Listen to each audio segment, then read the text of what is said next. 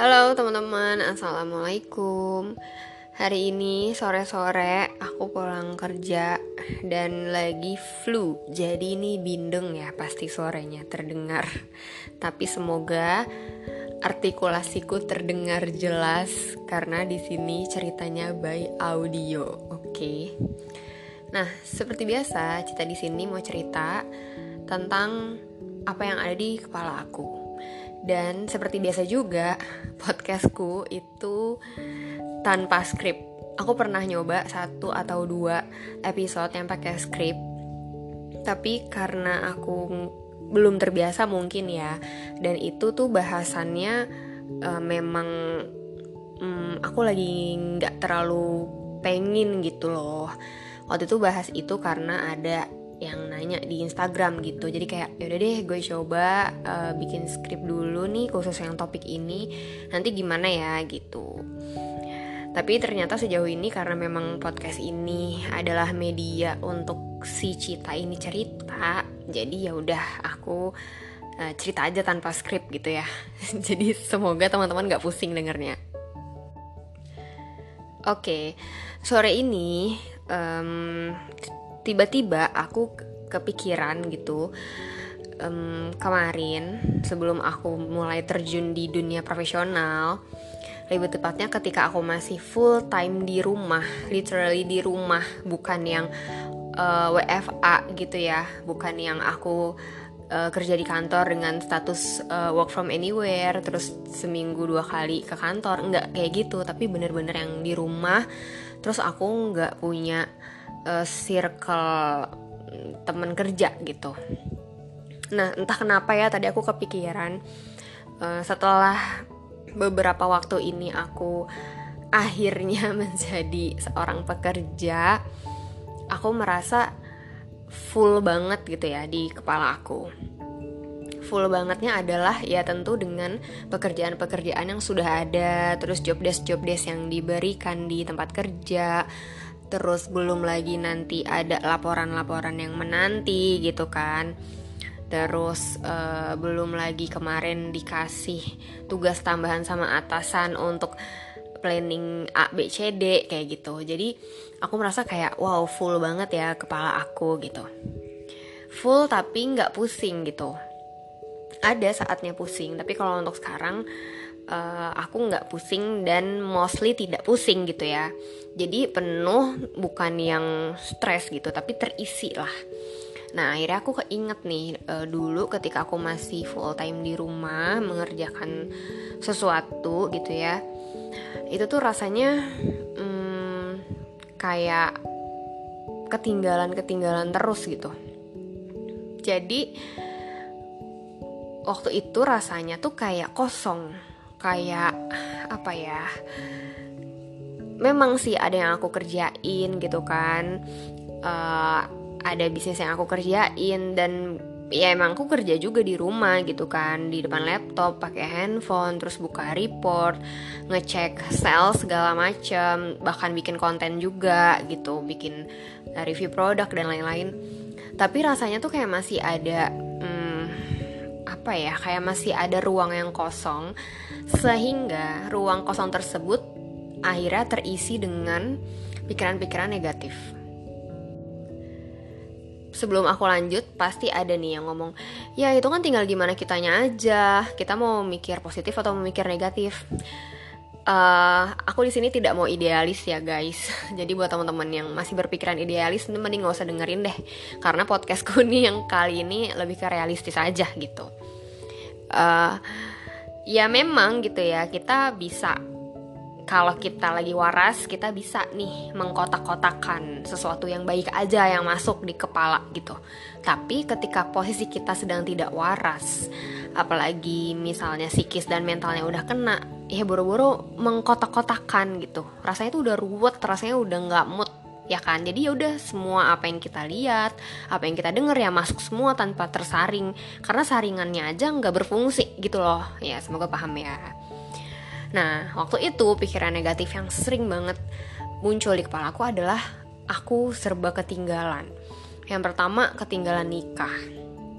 Ini udah mulai terasa ketika umur aku 20 mm, 5 ya jadi kurang lebih uh, tahun yang lalu ketika aku ulang tahun ke-25 itu mulai berasa tuh triggernya ya kan? Dan di umur itu juga udah mulai tuh ya yang namanya kondangan tiap bulan gitu. Bahkan sekarang nih hampir tiap minggu gitu kan. Itu mulai tuh mulai kental ya rasa ketinggalannya gitu. Nah kenapa aku bisa ngerasa kayak gitu? Karena yang aku lihat yang aku dengar itu hanya dari media sosial. Karena kan aku di rumah jadi aku tidak e, berinteraksi dengan orang lain selain keluarga. Paham ya? Jadi aku nggak berinteraksi dengan orang-orang seumuran aku di luar.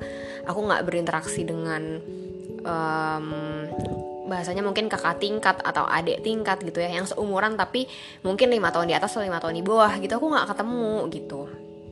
Jadi ya udah yang aku lihat yang aku konsumsi hanyalah dari media sosial. Dan isi media sosial itu kan bisa dibilang hmm, not nggak 100% real gitu kan. Uh, kayak aku pribadi deh jujur ya misalnya aku mau posting itu pasti tagnya berkali-kali.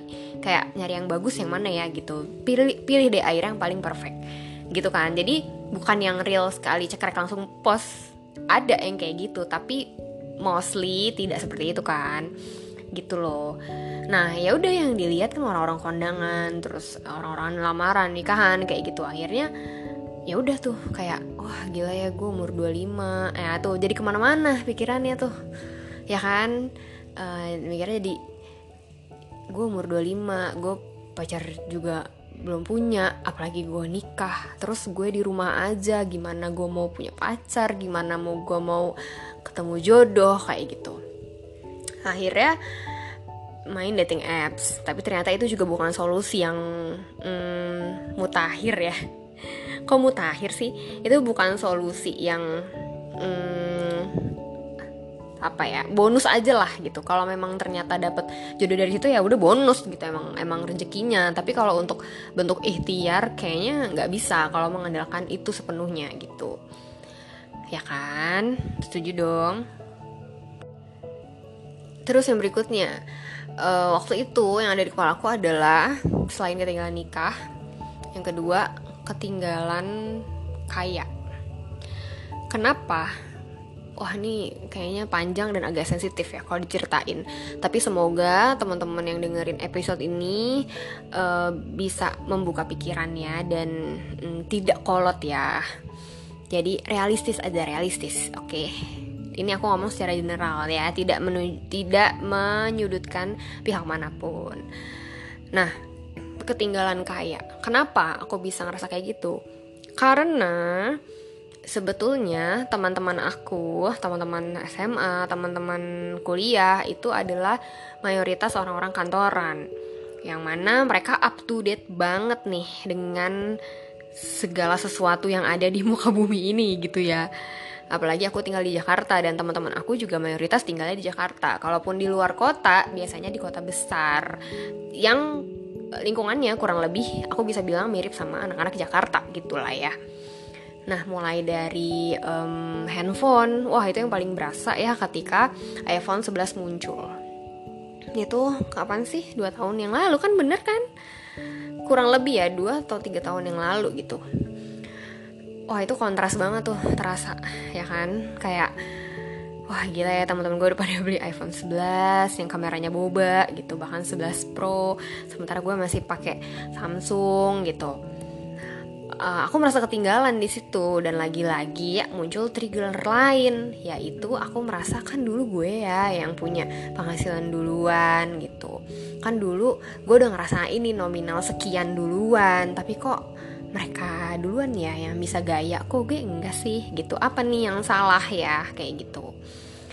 Uh, memang aku juga nggak tahu ya apakah teman-temanku ini belinya cash atau mungkin ada yang pakai kartu kredit atau apa. Itu aku kan nggak tahu. Lagi dan lagi dalam kondisi tidak waras telan mentah-mentah aja udah apa yang dilihat. Ya kan? Terus yang berikutnya ada nih yang udah ngambil mobil. Aduh mobil tuh sejujurnya ya salah satu impian aku dari zaman kuliah. Karena aku pengen banget jalan-jalan ke mana aja yang aku mau tanpa aku harus keribetan aku pergi naik apa nih gitu. Apalagi kalau jauh kalau misalnya jauh kan naik motor kayaknya capek ya. Dan aku cewek pasti mentok diizin dan aku juga kayaknya nggak segitu tahan bantingnya juga gitu untuk sekarang. Tapi kalau naik mobil kan enak tuh bisa lewat tol nggak terasa jauh nggak kehujanan nggak kepanasan tetap cantik gitu ya. Tapi kok gue belum bisa nih gimana nih? Padahal saat itu bisa dibilang hmm, profesi yang aku jalani secara apa ya secara kulit luar itu kan menjanjikan sekali ya gitu. Tapi nyatanya tidak seperti itu gitu. Maksudnya gini nyatanya balik lagi ke rezeki masing-masing gitu. Kayak gitu loh. Nah terus yang uh, terakhir aku merasa ketinggalan pengalaman. Ini yang um, menurut aku paling mahal di antara dua poin tadi. Karena pengalaman itu berkaitan sama waktu. Gimana jelasinnya ya? Ya gitu deh ya karena pengalaman itu berkaitan dengan waktu. Misalnya nih misalnya deh kayak aku nih sekarang kerja umur aku sekarang 26 banyak banget lowongan pekerjaan yang ada batas maksimal umurnya ya kan? Ada yang maksimal 25 ada yang maksimal 26 27 gitu. Ada juga yang nggak ada batas maksimalnya gitu. Nah, dengan dibatasi umur tersebut, misal umur aku udah lewat nih, terus aku pengen nih punya pengalaman di bidang itu, jadi nggak bisa, gitu loh ya kan? Nah ini menurut aku yang paling mahal paling menampar juga. Didukung dengan aku melihat hmm, beberapa teman-teman aku yang mereka sudah punya jabatan di kantornya lalu diundang ke webinar-webinar terus acara ghost to kampus yang kayak gitu-gitu. Itu yang bikin mataku mm, melek banget dan kayak seolah-olah lo ke mana aja sih selama ini? Lo udah ngelakuin apa? Nih lihat deh temen lo nih udah maju sejauh ini lo. Lo masih di situ aja. Kayak gitu guys. Dan itu bener-bener yang wah dar dor banget deh dalam hati aku ya. Nah sekarang setelah aku melewati fase itu dan aku sudah beralih ke zona yang sekarang aku mulai bisa melihat gitu ya ke belakang. Oh ternyata dulu aku seperti itu karena memang kurang sibuk gitu. Karena gini yang aku lakuin itu aku udah hafal aku udah tahu polanya dan pasti muter-muter aja gitu itu lagi. Jadi mungkin bahasa um, bahasa umumnya tuh kurang tantangan gitu kali ya. Sebenarnya dari internal diri aku sendiri sudah mencoba menimbulkan tantangan gitu. Sudah mencoba menggali tantangan baru tapi apa ya kayak sisi lain dari diri aku merasa bukan ini yang gue cari gitu. Maksudnya bukan ini yang gue pengen gue tuh pengennya yang lain gitu. Nah itu sih. Udah 13 menit aku nggak mau lama-lama sebenarnya jadi kesimpulannya adalah hmm, kalau memang uh, kita ngerasa ada yang mm, nggak mm, beres gitu dalam diri kita sendiri, ya udah terima aja, nggak usah yang denial gitu. Terus juga nggak uh, coba gini, coba beri waktu me time yang bener-bener me time jadi bener-bener yang mikir sendiri, idealisnya buang dulu, coba realistis dan coba untuk uh, jadi diri lo sendiri. Tidak usah dulu dengerin orang-orang di sekitar gitu. Jadi biar tahu dulu sebenarnya gue maunya apa gitu. Nah setelah itu baru deh sharing ke orang yang tepat Ingat ya, sharingnya ke orang yang tepat supaya tidak kena toxic positivity. Karena toxic positivity itu menurut aku bahaya banget dan membunuh banget. Gitu guys. Oke, kenapa jadi begitu ya akhirannya ya? ya udah pokoknya intinya gitu.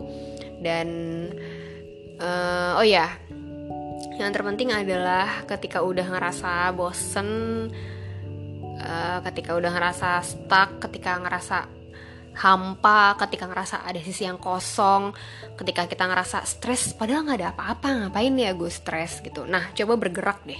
Bergerak tuh macam-macam bisa bergerak fisiknya bisa bergerak pikirannya bisa bergerak hatinya misalnya. Bergerak fisik ya misalnya olahraga gitu. Bergerak pikiran misalnya uh, punya kegiatan baru yang harus mikir misalnya baca buku itu kan harus mikir kan. Atau kalau waktu itu aku um, ngedit video makanya aku bikin YouTube dan bikin podcast ini juga gitu. Terus kalau mau yang lebih ekstrim ya coba ikut komunitas baru kegiatan baru. Nah itu sih. Karena ketika kita bergerak itu tuh um, energi kita yang kemarin-kemarin nggak kepake akhirnya kepake dan jadi output yang baik gitu. Nah ketika udah jadi output yang baik kita jadi lebih waras kita jadi bisa mm, menghadapi dunia dengan lebih santuy gitu ya. Dan nggak kepikiran aneh-aneh lagi. Eh gitu deh pokoknya ya guys ya. Ya udah gitu dulu deh cerita dari aku. Semoga teman-teman nangkep apa yang aku ceritain ambil baiknya buang buruknya. Terima kasih sudah mendengarkan. Wassalamualaikum. Dadah